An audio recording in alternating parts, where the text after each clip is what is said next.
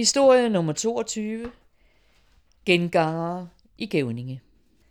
Der, hvor Lindholm Gods ligger i dag, lå tidligere en ældre herregård af samme navn. Endnu tidligere lå det ældste, Gammel Lindholm, på en lille ø i en holm i bunden af Lejrevig. På den tid, hvor bønder var tvunget til hoveri på herregårdene, kom en overkrigskommissær, Gotthard Breim, til egnen. Han købte den tidligere herregård Lindholm Gods i 1690. Han var absolut mand for at vide, hvordan hårbønderne skulle holdes til ilden.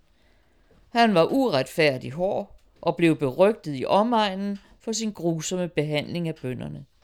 Og det er så meget, at han frygtede for både sit liv og sin død.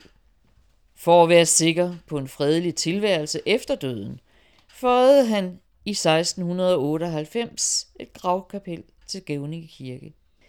Måske for på den måde at skaffe sig aflad for sine ugerninger. Eller måske følte han sig mere sikker for de mange fjender, han havde skaffet sig blandt ærens bønder, hvis det sidste hvilested befandt sig inden for de hellige mure. I hvert fald lod han sig gravlægge i kapellet efter sin død i 1702. Men fred og ro fandt han ikke. Som straf for sin brutale fremfærd mod alt og alle i levende live, måtte han hver nat tage turen fra Gævninge Kirke til Lindholm. Det foregik skamstandsmæssigt i karet, sommetider forspændt to, andre gange fire heste, med både kusk og lakajer med hvide parrykker. Det gik stærkt og støjende for sig med piskesmæld og svedigt brustende heste, der stejlende stoppede op lige foran trappen til hovedbygningen. Og så blev der stille.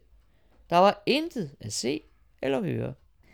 Den slags natteroderi var dog ret generende. Det kunne man ikke have. Hvorfor? Øh, præsten Kasper Brun påtog sig at mane ham ned. Præsten havde været kapellan for Tordenskjold og havde i sin tid prøvet lidt af hvert.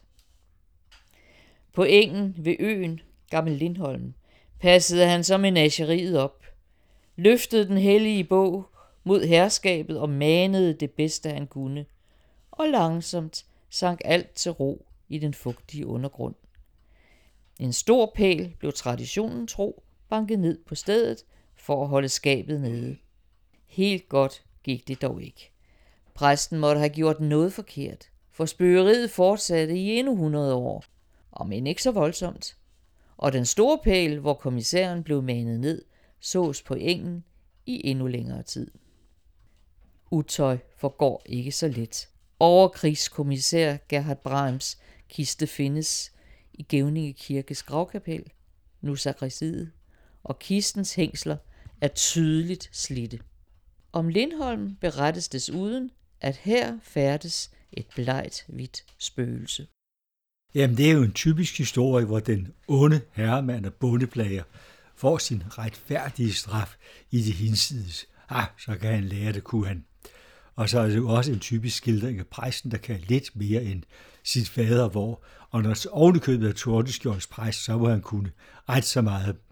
En morsom ting er, eller interessant er det, at da jeg besøgte Gævningen Kirke, skulle jeg selvfølgelig ned og kigge over krigskommissærens kiste og se til hængslerne.